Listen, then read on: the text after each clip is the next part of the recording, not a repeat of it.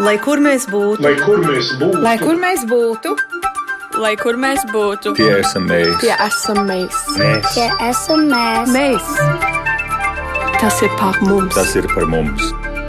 tas ir par mums. Labdien! Cik vienkārši iekļauties biznesa vidē, atgriežoties Latvijā, un cik aktīvi emigranti iesaistās uzņēmējdarbībā? Kāpēc, piemēram, 2018. gadā Latgals un Rīgas plānošanas reģionā netika atbalstīts neviens no grantu programmas pieteikumiem? Kādas vispār ir tās problēmas, kas līdz šim ir apzināts pēc pirmā grantu programmas gada? Uzņēmēja pieredze un valsts iestāžu darbinieku skaidrojumu tas ir tas, ko mēs dzirdēsim šodien raidījumā Globālais Latvijas 21. gadsimts.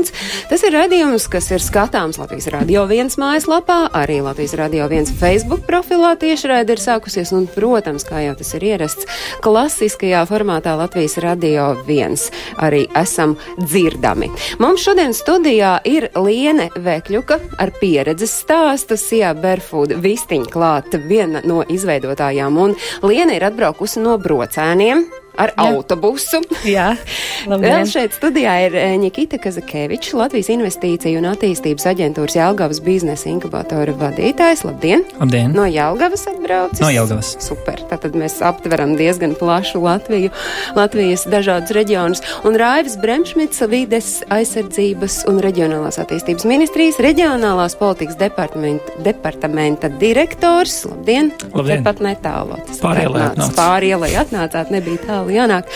Man ir ārkārtīgi žēl, jo mums bija paredzēts, ka studijā būs vēl viena viešņa.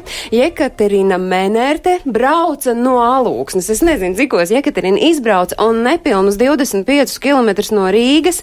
Jekaterinai saplīs automašīna, tāpēc es nedaudz ieskicēšu Jekaterinas stāstu un tad uzreiz arī vērsīšos pie Lienas un Liena stāstīs savu stāstu, jo Jekaterina ir uh, Līdz šim nav dzīvojusi alūksnē. Viņa kopš atgriešanās no dzīves ārzemēs un pēdējā dzīves vieta viņai ir bijusi Spānijā. Viņa ir aizbraukusi un sapratusi, ka alūksne ir tā vieta, kur viņa varētu dzīvot, jo alūksnē ir ārkārtīgi pietrūkušas dzīves vietas, mītnes, viesunāmi, to nav daudz, un līdz ar to viņa ir uzsākusi un arī šobrīd ļoti veiksmīgi darbojas viesnīcu biznesa jomā Alūksnē, un viņa bija tiešām izpētījusi, ka Alūksnē nav viesnīcu pakalpojumu, bet ir pieprasījums, un šobrīd ir tā situācija tāda, ka Jekaterina iepērk pilsētas centrā daudz dzīvokļu mājās dzīvokļus, un tos tad iekārto par tādiem viesnīcu dzīvokļiem, un tiešām tie dzīvokļi esot iekārtot pēc vienota stila, tā mums vismaz apgalvo vidzemes remigrācijas koordinātori Ija Groza, un šobrīd viņa ir gājusi vēl tālāk, jo viņa ir saņēmusi atbalstu un veido viesunāmu Zaicevā. Tas ir gan drīz Krievijas pierobežā no pilnīgi sabrukušas ēkas, un ir saprotams, ka Jekaterinai ir tāda milzīga ticība un krampis, un tāpēc mēs arī rādījām globālais Latvijas veidotāji novēlam, lai Jekaterinai izdodas mašīnu salabot un galvenais, lai tiek pēc tam atpakaļ uz alūksni. Mm. Bet, uh, Lieni, jūs savukārt uh, esat atbraukusi no brocēniem, bet, uh, nu, tāda īsta brocēniece neesat bijusi, Jā. un jūsu vīrs ir teicis šādus vārdus. No Latvijas aizbraucām, jo šeit nevarējām sasniegt pašu izvēlēto standartu. Mm -hmm. Šī ir trešā reize, kad jūs atgriežaties Jā, Latvijā. jā. Cik tad Šī jūs esat bijuši reize. vispār prom, un kāpēc šobrīd Jā. jums ir tā sajūta, ka jūs esat atgriezusies patiešām uz palikšanu? Mm -hmm. Jā, mēs esam dzīvojuši īrijā, atkal atgriezāmies Latvijā. Pašu spēkiem mēģinājām. Ko mēģinājāt? Mēģinājām dzīvot, vispār eksistēt šeit, bet bija ļoti dažādas intereses, nu, ar to, ko varbūt gribējām un kas sanāca. Tad mēs atkal atbraucām uz īriju, atkal padzīvojām tur, atkal gribējās mājās. Nu, tagad tā At- māja i- sajūta, bet nevis tāpēc, ka jūs braucāt atpakaļ, jo jums bija plāns, jūs zinājāt, uh, ko jūs gribat darīt. Jūs Jā. vienkārši mājās gribējāt. būt. Jā, tieši tā. Mēs gribējām mājās, jo tomēr dzimtene ir dzimtene un mums patīk Latvija. Un uh, darījām, nu, kā es te, teicu, jau pašspēkiem, bet uh, tie paši spēki aprobežojās ar daudz citām iespējām un variantiem. Un līdz ar to mēs atkal nonācām īrijā. Tad mēs vienu mirklīt padzīvojām Spānijā. Un uh, tad pēc Spānijas uh, mēs tur arī pastrādājām mazliet, grilējām vistiņas arī. Bet jūs tur strādājāt kā uzņēmēji vai strādājāt pie kāda? Pie kāda mēs strādājām. Jā, nu tā kā mēs iepriekš aizklēsēs runājām, kad meklēt laimi, jā, kaut kur citur. Uh, un tā laime, protams, tur nebija. Tur bija diezgan liels hauss, un, un, un, un, un uh, tur neizdevās nekas. Bet tad mēs aizbraucām atpakaļ uz īriju, kur uh, mums tāpat tā doma bija, ka mēs vēlamies atgriezties Latvijā. Bet, bet joprojām bija vēlme vienkārši atgriezties, nevis konkrēti jā, jau bija ideja uzņēmēji Bija vēlme darbībai. vienkārši atgriezties. Tad uh, gadiem ejot, uh, mēs nonācām pie domas, kad mums patika tā doma, kas bija Spānijā par vistiņām, kur grilē vistiņas. Un, Un tas ir tik garšīgi, un, un, un, un cilvēki nāk, un visiem patīk. Un līdz ar to mēs domājām, ka tas sapnis laika tā kā ir iekšā. Bet, uh, Bet tas sapnis bija tikai sapnis. Tad dzīves, dzīves gaitā ejot, mums notika pavērsiens, kad mēs tā kā um, dzīvojot laicīgu dzīvi, varētu teikt, mēs nonācām pie Dieva, uh, nevis pie Dieva, bet pie Dieva personīgām attiecībām. Un, uh, un tad arī š, pagājušo gadu uh, Dievs skaidri uzrunāja, kad mums ir jābrauc mājās un jādara šis te bizness. Tas bija caur Bībeli un caur viņu vārdu. Jā, un tad jūs šādi nonācāt Jā. pie vajadzīgajiem cilvēkiem, Jā. kuri, nu, es nezinu, uh, ļāva jums sajust arī to uzņēmēju gēnu. Jā, bija tā, kad mēs jau bijām nolēmuši atgriezties, mēs atbraucām un mēs nezinājām, kad ir vispār tāds projekts, ka ir tāds plāns, bet mēs bijām kontaktos ar cilvēkiem pašvaldībā saldus, kas palīdz nu, ar skolām, ar visādiem variantiem. Un, jā, un šie cilvēki mums saka, ka ir tāds plāns, un varbūt jūs gribat piedalīties. Mēs domājam, nu, nezinām, varbūt jāmēģina. Un līdz ar to tad, tad arī mēs tikai uzzinājām un sākām iet šo te ceļu. Tad, tad tas plāns, uh, Raivi, kas ir tas plāns vidas aizsardzības un reģionālās attīstības ministrijas pilotprojekts? Precīzais nosaukums neļausit man samelot pašvaldību politikas instrumenti remigrācijas veicināšanai? Remigrācijas veicināšanai, jā, kā viņš sākās kā pilotprojekts pagājušajā gadā. Faktiski mēs balstījāmies arī uz vairākiem Latvijas universitātes pētījumiem par to, kas, kas ir vajadzīgs, lai cilvēki atgrieztos. Kas, kas viņus interesē, kas ir vajadzīgs, par ko viņi interesējās, un tur iezīmējās, es teiktu, tādas divas galvenās lietas.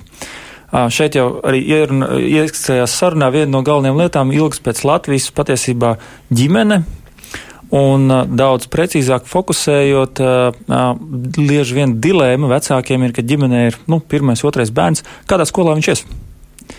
Latvijā, vai arī viņš paliks šajā valstī, Īrijā, Anglijā, Lielbritānijā, vienalga kur. Protams, nāk klāt arī šis servis, kas ir izglītības, piemēram, bērnu dārsts arī, vai viņš ir pa maksu, vai tur ir aukle, kas ir šīs, te, kā jau bērnam pēc tam dažādas arī pēcstundu nodarbības, interešu izglītība, pulciņas, protams, sports, māksla un tam līdzīgi, cik tas kopā summējas. Un bieži vien tā ir dilēma arī šīm ģimenēm, vai tad palikt, un tad visdrīzāk arī tur iesakņoties. Jo maz ticams, ka pēc tam, tam vidusskolniekam, jau vidusskolas vecumā, varēs viņu pārliecināt, viņus abus bērnus vai vēl trīs bērnus, kā ir, kas vēl sarežģītāk par atgriešanos. Valsties teikt, tā arī ir dilēma.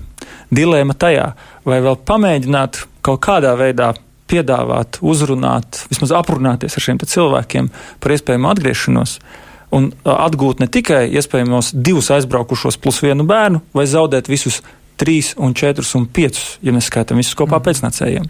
Bet kā un tāpēc, uz, jā, jā, no. un tāpēc es piedošanu pagaru ievadu, bet tāpēc nonācām līdz divām praktiskām lietām. Un vēl viena trešā, tad interese par pakalpojumiem ģimenēm.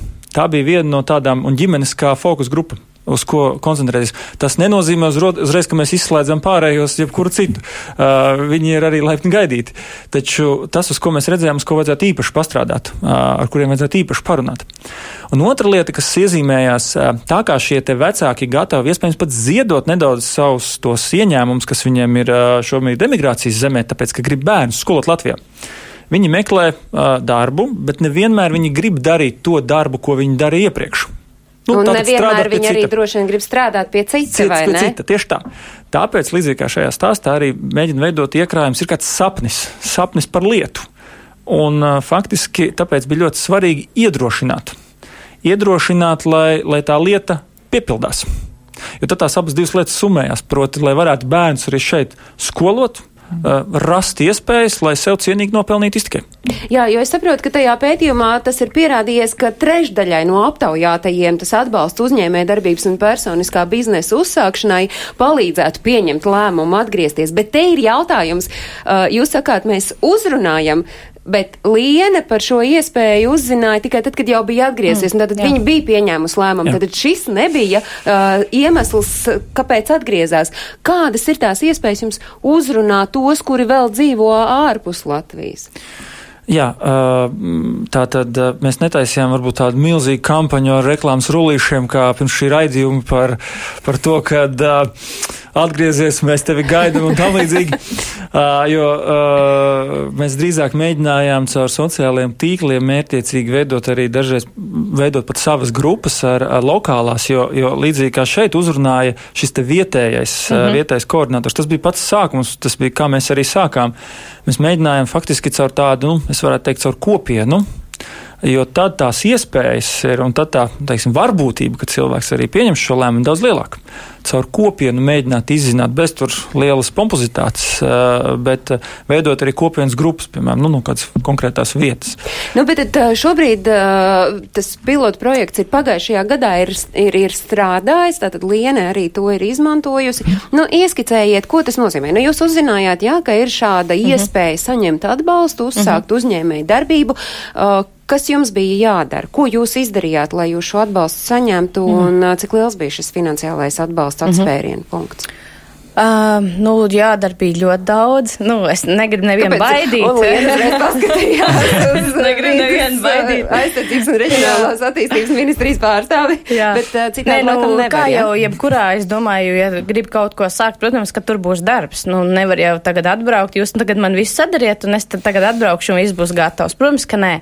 Um, ļoti bija tāds. Uh, tāds nu, pārbaudas laiks arī mums pašiem, lai mēs saprastu, ka mēs to varam, mēs to varam izdarīt un, un, un, un, un ka mums ir arī palīdzība un ka mēs varam vērsties, ja mums ir kādi jautājumi. Un tad arī mēs gājām tehniski solīt pa solītim šos te vācot šos te apsti, maksājumus, kas tiks apstiprināti, izmaksas, paša projekta rakstīšana. Tas ir tāds, tāds nu, posms, ar ko varbūt nekurš katrs katru dienu sastopās. Līdz ar to tas arī ir nu, tāds izaicinošs tas solis. Bet, bet viņš, eh, viņš iet uz priekšu, ja arī pašam būs gribēšana. Cik uh, liels bija tas finansiālais atbalsts? Cik 9000. Tas ir maksimums jā. Uh, maksimums, vienam jā. uzņēmējam.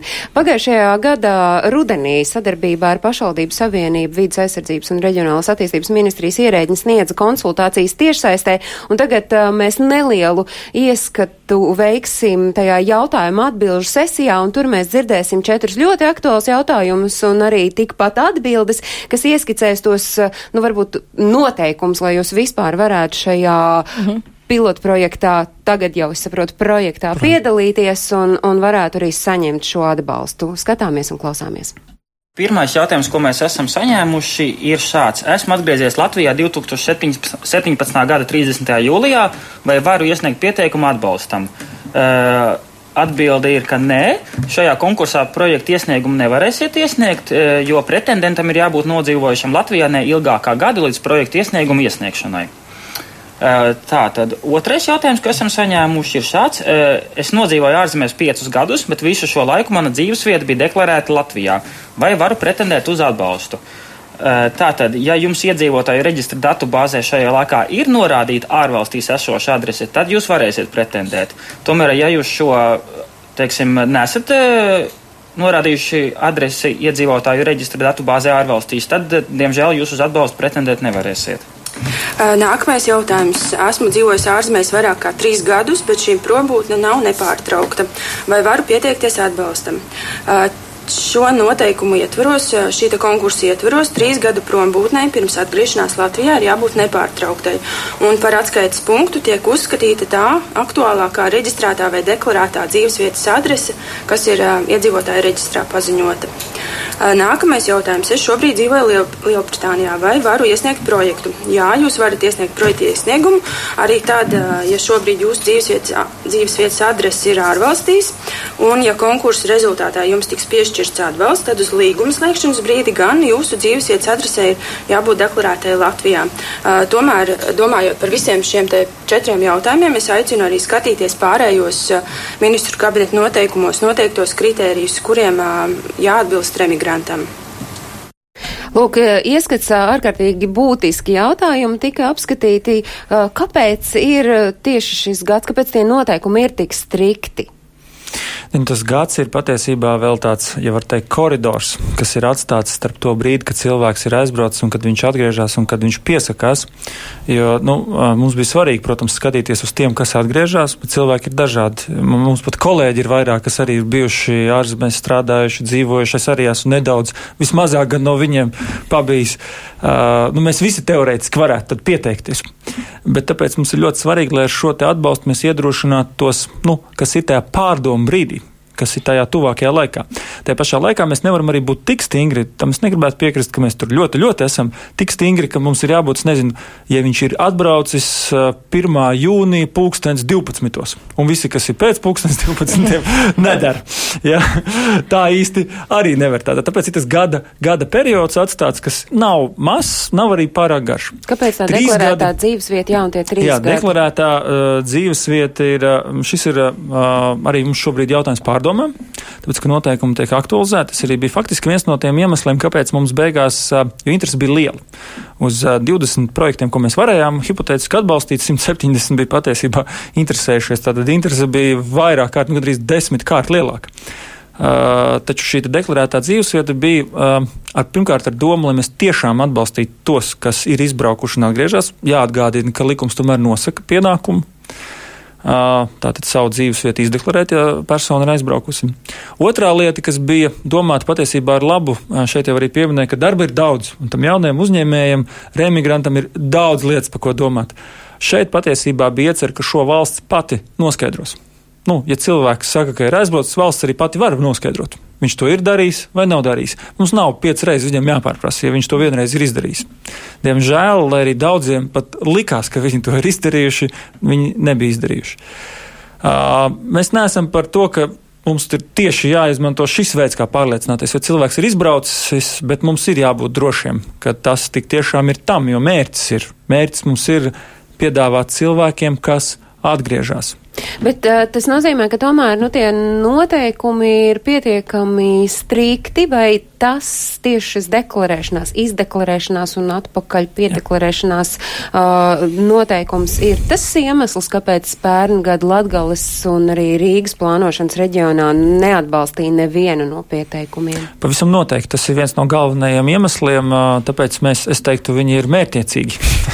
Šie noteikumi ir mērķiecīgi, bet mēs arī uh, esam atvērti sarunai ar tiem, kam ir bijusi pieredze. Galu galā tas bija pilots, tie bija arī pirmiem, un tāpēc šobrīd noteikumi ir vaļā, un mēs esam gatavi, gatavi iestrādāt kādu citu veidu, ja mēs tādu atrodam ar jauniem uzņēmējiem, lai pārliecinātos.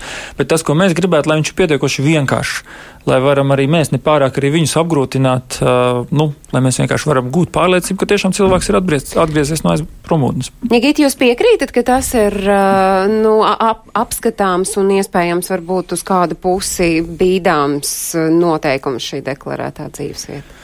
Uh, es domāju, ir apskatāms, jā, viennozīmīgi, bet uh, es, es piekrītu, ir, ir, ir nepieciešams atrast kaut kādu alternatīvu, kas tiešām būtu viens, uh, kas apmierinātu nu, ministrijas vajadzības un intereses tā, lai pārliecināties uh, par to, ka tiešām cilvēks ir dzīvojis, bet arī, lai neapgrūtinātu to uzņēmēju, nu, tik ļoti, lai, lai, lai, lai tas nebūtu pa Lai tas nebūtu viņam sloks, tieši tā, milzu, vai ne? Jā, bet no citas puses, no citas puses varbūt ne par to faktoru, bet kopumā par pieteikumu, par visiem tiem darbiem, lai uzrakstītu projektu. Manuprāt, tas uh, Mums inkubatorā arī ir, ir, ir pieteikumi, kur ir jāizpilda, ir jātaisa prezentācijas un tā tālāk. Manuprāt, tas ir labs filtrs, labs filtrs jo uzņēmē, mēs runājam par uzņēmējdarbību, nebūs viegli, būs daudz darba. Un tas ir tiešām labs filtrs, ja tu nevari sagatavot pieteikumu. Tad kas būs tālāk? Kas būs tālāk? Kas tad nu, tu par uzņēmēju, nu, vai ne? Tā. Bet uh, tomēr atgriežoties pie tiem noteikumiem un uh, pie iespējams kaut kādām vēl uh, problēmām, kas ir saistītas ar, ar šī atbalsta saņemšanu. Mēs šobrīd esam sazinājušies ar cilvēku, par kuru es gribētu teikt diezgan precīzi. Jūs spēsit mums ieskicēt tās problēmas, ar kurām saskaras remigranti, cenšoties iekļauties biznesa vidē Latvijā. Un tas cilvēks ir Astrīda Leščīnska, Latgals reģionālā remigrācijas koordinātore. Mēs esam video zvanā sazinājušies. Sveicināti, Astrīda! Sveiciens no Latgales! Brīnišķīgi, ka mēs esam ar Latgali sazinājušies. Nu, no jūsu skatu punktu raugot, kuri tad ir varbūt tie galvenie klupšanas akmeņi tādiem uzņēmīgiem uzņēmējiem, remigrantiem, ja skatāmies tieši uz Latgals reģionu? Jā, es vēlos pateikt, ka interese bija liela. Pagājušajā gadā um, tie bija 37 cilvēki, kas tiešām izrāda interesi par atgriešanās grantu. Arī šogad uh, viņi gaida, kad tiks izsludināts konkurss, bet joprojām mums ir um, tā problēma par izdeklarēšanos. Um, tiešām cilvēki aizbraucot, uh, viņi nezina šo likumu, iedzīvotāju reģistra likumu, tātad, ka trīs mēnešu laikā viņam ir jādod ziņa jā, par to, ka viņiem ir mainījusies adrese. Arī pagājušajā gadā, kad bija mums trīs iesniegumi, pieteikumi, visi apgalvoja, ka viņi ir izdeklarējušies. Un vienalga, kad mēs komisijā vērtējot, tomēr izņēmām no PMLP tātad izziņu, nē, divi nebija izdeklarējušies un vienam pietrūka pusgada. Tātad, kā zināms, vismaz trīs gadus cilvēkam bija jābūt izdeklarētam no Latvijas. Un šeit es piekrītu Brešita kungam, ka tiešām ir jārīkojas, varbūt kaut kādas informatīvās kampaņas jāveido PMLP sadarbībā ar Latvijas vēstniecībām, pārstāvniecībām, lai, tas, lai šī, nu, šī problēma, lai par to zina, ka tas ir jādara, par izdeklarēšanos, tātad, lai par to zina diasporas organizācijās, varbūt, lai viņi vismaz tās infografikas izlīmē savās telpās, kur viņi satiekas, kur viņi apspriež aktuālos uzdevumus, jautājumus.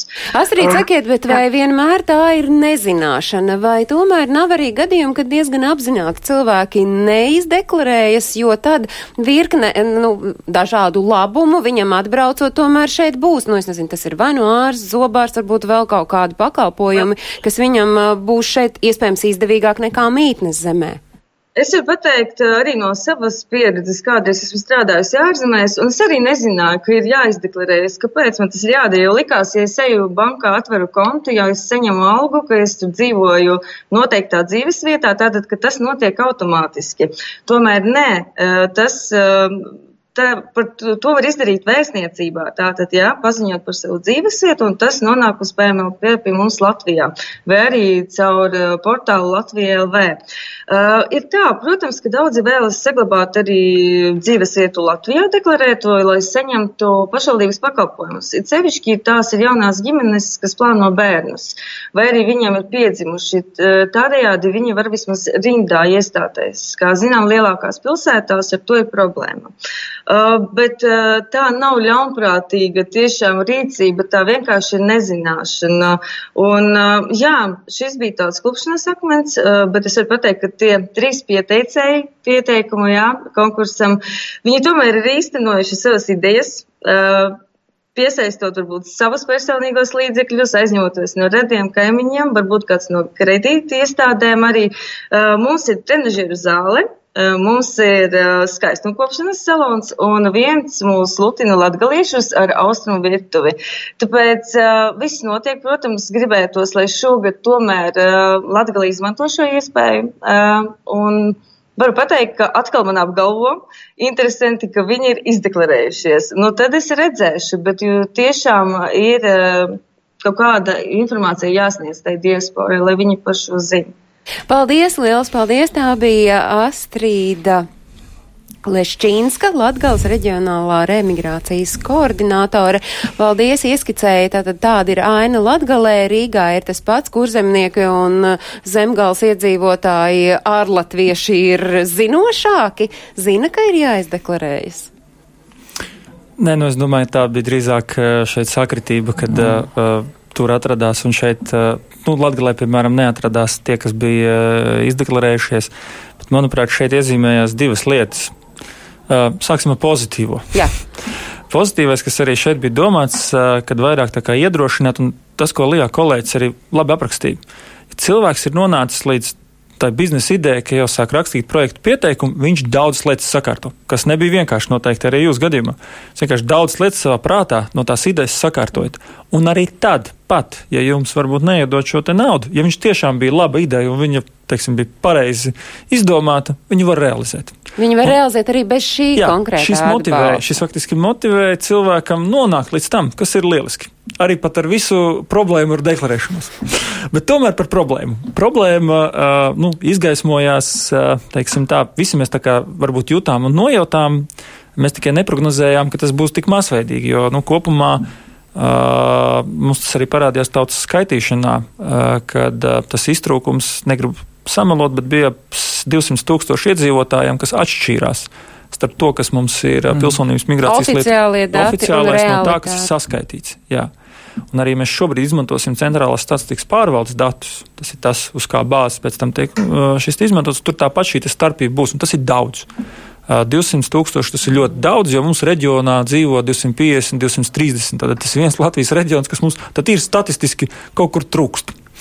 Uh, Līdz ar to tā problēma patiesībā ir plašāka. Tas, ko jau Astrīda pieminēja, kad uh, nu, to nu, cilvēki nav jutuši, ka tas uh, pat, pat, pat būtu vajadzīgs vai tas ir jādara. Iespējams, neienāk prātā. nu, Neienāk kas ir- prātā. Jā, jā.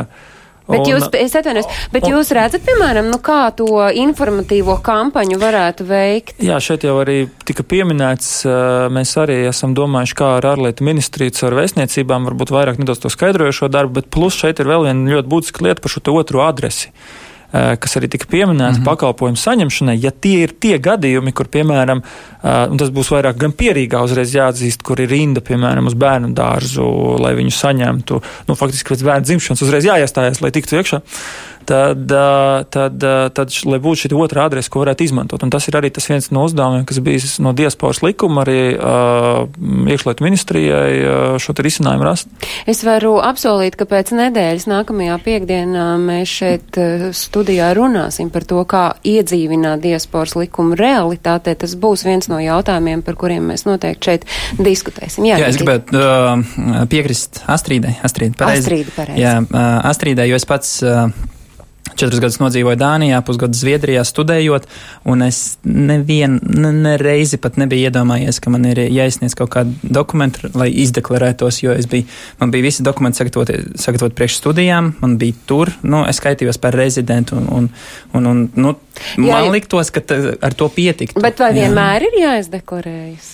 Vienmēr, vienalga, ja tu esi Mm, trīs mēs tā paskatāmies no, no likumīgas valsts, tad, ja tu patstāvīgi dzīvo prom, tad jā. Runājot par to, cik tas atbalsts tomēr ir bijis svarīgs eh, Liena jūsu gadījumā, Mhm. skaidrs, jā, jūs jau bijāt pieņēmuši lēmumu, ka jūs braucat, jums eh, bija skaidrs, ko jūs darīsit, un tomēr jūs varat pateikt, nu, tas eh, finansiālais atbalsts, šie 9000 eiro, ko viņi, ko tie ļāva jums uh, īstenot? Jā. Kas ir tas, ko jūs vispār darāt? Jā. Uh, nu bija tā, ka mums bija tā ideja, kaut kāda naudiņa bija, bet nu, ne tāda, kā, kā bija šajā projektā izmantot. Un, uh, nu, mēs vienkārši uzticējāmies uh, augstākajam spēkam un braucām mājās. Un, un, un, un tad arī bija tas. Un, protams, tas bija ļoti liels atbalsts. Protams, tā jau nav maza nauda, bet nu, bija jau vēl pusīt pašiem jāpieliek. Nu, tas arī ir tāds svarīgs punkts, kas ir. Nav tā, ka visus paplāt, jums ir jābūt gataviem arī no savas jā, puses Jā, ieguldīt. tieši tā. Un, uh, jā, mēs par to varbūt arī pašā sākumā nezinājām. Projekta sākumā, es saku, mums ļoti notika ātri viss tā, ātri, un arī tā, tas ātrums bija arī progresīvs tam, e, ko mēs izdarījām tajā ātrumā. Nu, nu labi, nu tas, ko mēs tagad Jā. jā. redzam, tas ir tas, ar ko jūs nodarbojaties. Jā, Jūs vienkārši jā. to Jā. vīstiņu, vispirms jūs dabūjāt kaut kādu mums bija piekabīti, jā, ka piekabīti? mēs nopirkām, jā. Jūs viņu bija savai tukši, automašīnai jā, jā. um, aizmugurē, jā? Jā, jā. Un tad braucat, kur acis rāda? Jā. Te ir mans vīrs, jā, viņš taisa, viņš visu pats arī darīja, visus, visus, visus, un visas lietas ielika. Šis ir pirmais, man liekas, pasākums, kur mēs bijām abi kopā. Aizmugurē ir slavenais grils ar vistiņām. Tā ir viena no porcijām, ko mēs piedāvājam arī kā dienas piedāvājumu. Nu, bet tad jūs um, braukājat Jā. vienkārši, kur acis rāda, vai esat nobāzējuši kaut kādās konkrētās Pagaidām vietās? mēs esam tā vairākas reizes bijuši saldus tirgu. Un mums tur ir ļoti daudz atbalstītāju un ļoti daudz uh, gribētāju. un Nevienmēr visiem pietiek. Tas nozīmē, ka jācep vairāk, labi, cepsim vairāk, būs piedāvājums. Jo kā mēs pirms rēdījuma nospriedām, ka latviešiem ļoti garšo vistiņas. jā. Mēs esam visi vistiņi. Žēl, ka pat neatved nevienu. Būtu rītā atvest. Sasodīts, ja būs man jābrauc uz to sāli. Bet, Jā. tad, bet tad uh, šobrīd, uh, nu, tajā punktā, kurā jūs šobrīd esat, v- kādas ir tās, nezinu, jūsu attiecības ar to naudas iedevēju? Jums ir par kaut ko jāatskaitās?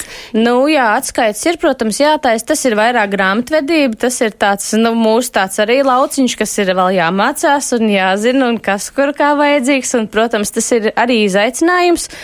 Bet, nu, jā, ir jāatskaitās. Protams, par visu jau visi grib atskaiti. Nu, kas ir loģiski. Jā. Un tā atskaita ilgs cik ilgu laiku? Nu, kāda ir tā sadarbība starp naudas devēju un uzņēmēju? Nu jā, tā tad ir. Mēs pārbaudām, vai šis tiešām līdzeklis ir tas, ko mums solīja, kas būs. Nu, te jau bija uzskatāms pierādījums, un šis uzraudzības periods ir līdz pieciem gadiem, ja es nekļūdījos.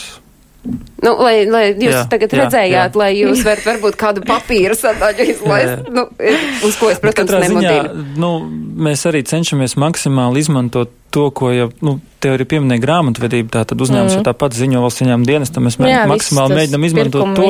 To publiski pieejamu Ā, nosacītu informāciju. Nu, ne tikai publisko, mēs jau arī varam paprasīt. Mhm. Tieši tāpat kā par šo deklarēto dzīvesvietu, ko Astrid arī pieminēja, bija pieprasījums, lai pārliecinātos, ka tiešām konkrētās personas ir. Tātad tā pieeja ir tāda, ka mēs no atskaišu viņas ir. Neapšaubām, bet, ja jau uzņēmums vienreiz ir kaut kādas lietas noziņojis, mēs arī viņus izmantojam. Mēs nemēģinām pat tām otrais prasīt. Un tas ir tas, ko dara vidas, uh, reģionālās, vidas aizsardzības un reģionālās attīstības ministrija. To dara, Jūsu jā, mūsu ierēdņi precīzāk reģiona Kat, administrācija. jā. katrā ir uz vietas, jā. tā ka tur nevar izšmaukt cauri. Uh, par tiem veiksmes stāstiem runājot, nu tas skaidrs ir tas, kas uh, iedvesmo atgriezties. Žēl, ka nav Jekaterinas, jo tad viņi stāstītu savu veiksmes stāstu, Lienas veiksmes stāstu esam dzirdējuši. Tagad mēs esam sazinājušies ar Kasparu Elārtu, kura pieredze arī ir veiksmes stāsts. Šobrīd pēc desmit gadiem kokapstrādē Nīderlandē jau trešo gadu Kaspars ir Dobels novadā Auru pagastā un nodarbojas ar koka iepakojumu kastu, industriālo palešu un bortu ražošanu. Un šobrīd mēs esam uh, savienoti ar Kasparu sveicināti. Jūs esat laikam ceļā kaut kur no punkta uz punktu, vai ne? Taisnība? Jā, jā, jā, jā. Kāpēc kokapstrāde, kāpēc uh, Latvija? Jūs taču varējāt droši vien tā Nīderlandē arī palikt. Protams, kad uh, mājās jau ir vieglāk visu uzsākt, ir uh, paziņas, un, un arī tas, ka uh, Latvijā ir koku materiāla zem Nīderlandē, tādas iespējas nav. Un Latvijā, protams, vieglāk to visu ir izdarīt. Nu, kas tad bija tie jūsu biznesa uzsākšanas galvenie atspēriena punkti un uh, kas bija tie atbalsta mehānismi, kas ļāva jums to paveikt? Vai tas bija tīri pašu spēka izdarīts darbs, vai tomēr jums bija atbalsts? Uh, protams, uh, pirmais tas ir paša pieredze, kura bija iegūta Nīderlandē. Bet nu, par lielu atbalstu punktu es varu teikt Latvijas Investīcijas attīstības aģentūra, uh, Jālgavas biznesa inkubators, uh, kuri palīdzēja man un subsidēja manu, un vēl joprojām nedaudz subsidē manu biznesu. Nu, kāda tā jūsu satikšanās notika? Jūs jau bijāt eh, investīcija attīstības aģentūra un Jelgavas inkubatoru uzmeklējis pirms jūs atbrauksit mājās un zinājāt, ka te būs tāda stabilitāte vai tomēr atbraucot, sākot meklēt, nu kāda tā satikšanās bija? Satikšanās bija vienkārši izlasīju mēdījos, ne, jā, ka, ka tāda iespēja pastāv, kad uh, palīdz jauniem uzņēmējiem. Tāds iestādes, jā, protams, es uzrakstīju pieteikumu. Kaut kā sagadījās, ka biju viens no pirmajiem, kurus to uzrakstīju, un jā, veik, veiksmē tiku iekšā. Un tas atbalsts kā izba, izpaužas? Uh, atbalsts pirmām kārtām viņi mani izglīto kā uzņēmēju. Visādi semināri, kursi, diskusijas. Uh, protams, uh, uz doto momentu arī ir uh, subsidijas visādiem materiālu iegādēm un tādām lietām. Nu, bet, ja jūs tā skatāties, tad nu, no uzņēmēja skata punkta raugot, kas ir tas svarīgākais, lai jūs atgriežoties Latvijā varētu veiksmīgi uzsākt uzņēmēju darbību? Protams, tas ir paša pieredze un, un gribēšana. Jo nu, nevajag baidīties, vajag uh, iet uz priekšu, interesēties, un zvanīt, un rakstīt, un cilvēki atsaucīgi Latvijā. Tā kā vajag tikai gribēt. Nu, bet um, pirms jūs atgriezāties atpakaļ un uzsākāt uzņēmē darbību Latvijā, jūsos bija tāds caur un caur uzņēmē gēns, vai tomēr Nīderlandē jūs pie Nē, kāda eh, strādājāt? Nīderlandē es uh, arī strādāju kokapstrādē, un uh, vienā momentā es jūtu, ka man īsti nav kur augt vairāk. Un uh, krasti atšķīrās domas ar uzņēmumu. Tad vienkārši nolēmām, ka nu, kad jāsāk pašam uh, savs biznesu, tā lai tu darītu pēc savu prātu. Un tas ir viss veiksmīgi noticis. Viss notiek. Paldies jums par jūsu pieredzi stāstu sarunas noslēgumā. Kas ir tas, kā jūs varbūt mudinātu tos cilvēkus, kuri šobrīd nedzīvo Latvijā, iespējams pie kāda cita strādā un klausoties šodienas raidījumu, saka, ne, nu varbūt, ka varētu pamēģināt atbraukt uz Latviju dzīvot, bet es vēl varbūt līdz galam nezinu, ko darīt. Jūsu tāds, nezinu, iedvesmojošs vēlējums. Protams, uh, Latvijā, kā jau minēju, ir vieglāk visu uzsākt uzņēmēt darbību. Tā Latvija, protams, ir mājas, jo ārzemēs kā uh, tu vienmēr būsi ciemiņš. Latvijā ir uh, tiešām ir priekš uzņēmēt darbības, ir uz doto momentu, kā jaunam uzņēmējam ir ļoti laba vide, lai uzsāktu un visu izdarītu. Paldies, liels Kaspars Elārds, cilvēks, kurš ir bijis prom un šobrīd ir atgriezies Latvijā, ir uzsācis uzņēmēju darbību. Ja mēs varam tā apkopot, nu tad tādas iespējas, labi, ministrijas atbalsts, nu tad, tad remigrantiem, kādi tad vēl ir tie atbalsta punkti cilvēkam, kurš šobrīd nedzīvo Latvijā? Šis projekts? Vēl kāds? No, Inkubators? jā, jā um, um, kopumā biznesa inkubators jau ir domāts ne tikai esošiem uzņēmumiem, kas atrodas Latvijā, vajadzētu būt Latvijā, bet arī, bet arī fiziskām personām, kurām ir ideja un viņi vēlas attīstīties, bet vajadzētu atrasties tomēr Latvijā. Tāpēc, nu, kopumā, kā Kaspars minēja, mums ir, ir liels klāsts ar to, kā mēs varam palīdzēt uzņēmīgiem cilvēkiem tiešām, un, un, un es pilnīgi piekrītu, ka vidu uzņēmē darbībai tagad Latvijā jaunajiem ir ļoti, ļoti laba. Uh, varbūt, nu, es esmu arī subjektīvs nedaudz, vai ļoti subjektīvs, bet, uh, jo es redzu, bet uh, es redzu, kā attīstās mazie jaunie uzņēmumi. Uh, vienīgais, nu, mēs, ne, mēs nekomunicējam uz, uz ārpus to, jo mūsu uz, uz, uzdevums uz doto brīdi, nu, mūsu, es domāju, kā biznesa inkubātoru un, un, un uh, manu kolēģu uz, uzdevums ir, lai, lai tie, kas uz, ir uzņēmīgi un vēlas attīstīties, lai, lai viņi to dara. Jā, un tad ideālā gadījumā, ja, ja varam pārstāvi nogādāt mums tos uzņēmīgus cilvēkus, un tad kopā ar, ar tādu atbalstu mēs veicinātu uzņēmējdarbības vidi. Un, un, un... Tad tas pilnīgi iespējams nozīmē, nu, ka kāds, kurš nesaņem atbalstu no ministrijas projekta, var iet uz kādu no biznesa inkubatoriem. Galvenais ir noformulēt to ideju un spēt viņu pasniegt tā, lai notic ne tikai es pats, bet arī tie, kas mani var atbalstīt. Un tieši tāds jau arī bija tas mērķis. Šis jau nebija tā kā uz vientuļas salas. Tas, ko mēs arī šeit pieminējām par šiem pašiem latgals gadījumiem, kas ir labā ziņa, ka cilvēki noformulē ideju un realizēja. Un tā doma jau ir iedrošināt, iedrošināt Protams, lai tu iedrošinātu, vajag arī kaut ko praktisku. Nu, ir tik daudz dzirdēt pārmetumu valstī, ka nu, jūs tur solat un neko nedarat. Šis ir vismaz tas mazais, nelielais. Viņš nav milzīgs, bet neliels praktisks atbalsts. Un, tāpēc mēs arī ļoti priecājamies par sadarbību gan ar Lijā, gan ar Altumu gan arī pārējām organizācijām, kas atbalsta arī uzņēmējus, jo tiešām viņš ir daudzveidīgs. Ir dažādi veidi grantu programmas, apmācības programmas, arī caur lauku atbalsta dienestu ir dažādi veidi vēl programmas. Tāpat arī mums pašvaldībām ir finansējums uzņēmējdarbības vidē kā tādai. Viņš ir diezgan, es teikšu, daudzveidīgs atbalsts. Mhm. Vidē tiek ieguldīts, tajā, protams, jāturpina. Nav arī tā, ka tur viss ir ideāli. Jā, jāturpina arī ieguldīt un attīstīt. Nevajag jau apstāties. Un es domāju, šeit saistībā ar reimigrāciju ir svarīgi divas lietas, manuprāt. Ir, protams, šī labā kopējā ziņa par to, ka šeit lietas attīstās. To mēs šodien jā, nodevām. Jā, otrā, un? otrā lieta ir tas, kas mūsuprāt liekas ļoti svarīgi. Cilvēkiem tomēr ir svarīga arī individuāla komunikācija.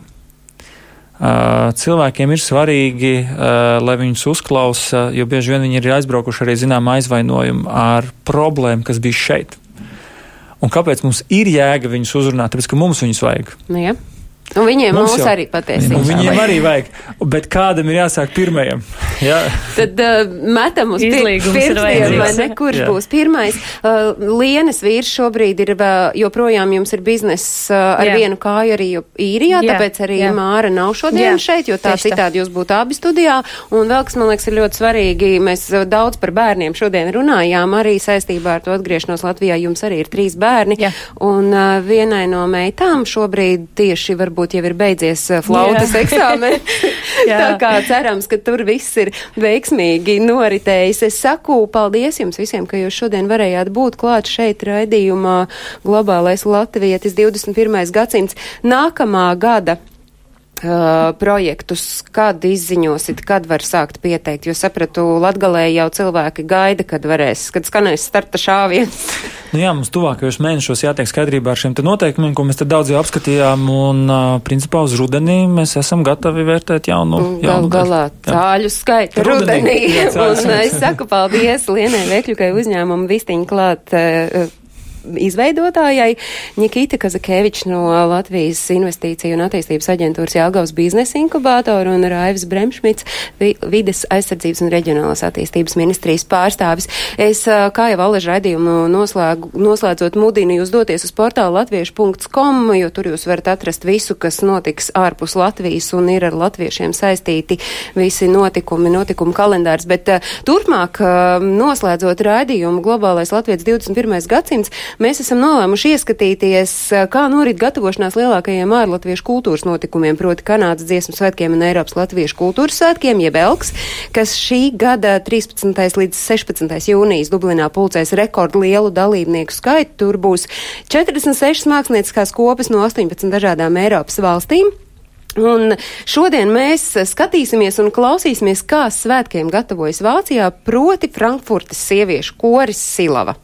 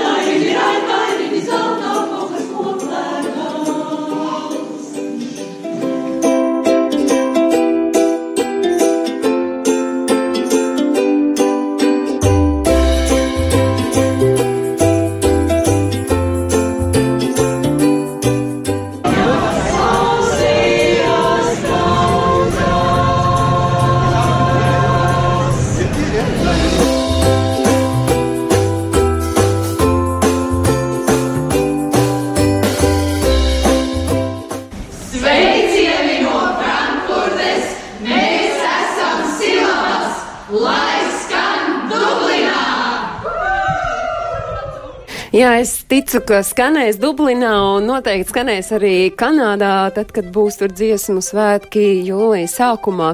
Bet uh, tas, ko es mudinu, ja jūsu kopa gatavojas šiem svētkiem, tad sūtiet mums savus video rullīšus, jo mēs taču gribam redzēt, kā jūs gatavojaties, vai mums ir vērts braukt uz Dublinu, vai mums ir vērts braukt uz Toronto. Un uh, mēs savukārt ar jums, klausītāji un skatītāji, tiekamies jau pēc nedēļas, un tad mēs tiešām skaidrosim, kā diasporas likums no papīra iedzīvosies realitātē, un tostarp arī pētīsim to, kurš un kā dalīs ārlatviešiem paredzēto valsts finansējumu. Raidījumu globālais Latvijas 21. gadsimts atkārtojums skan svētdienās pēc ziņām trijos. Skatīties raidījumu jūs varat jebkurā brīdī, ieiet Latvijas radio viens mājaslapā, un es vēlu jums visiem jauku atlikušo dienas daļu. Atā!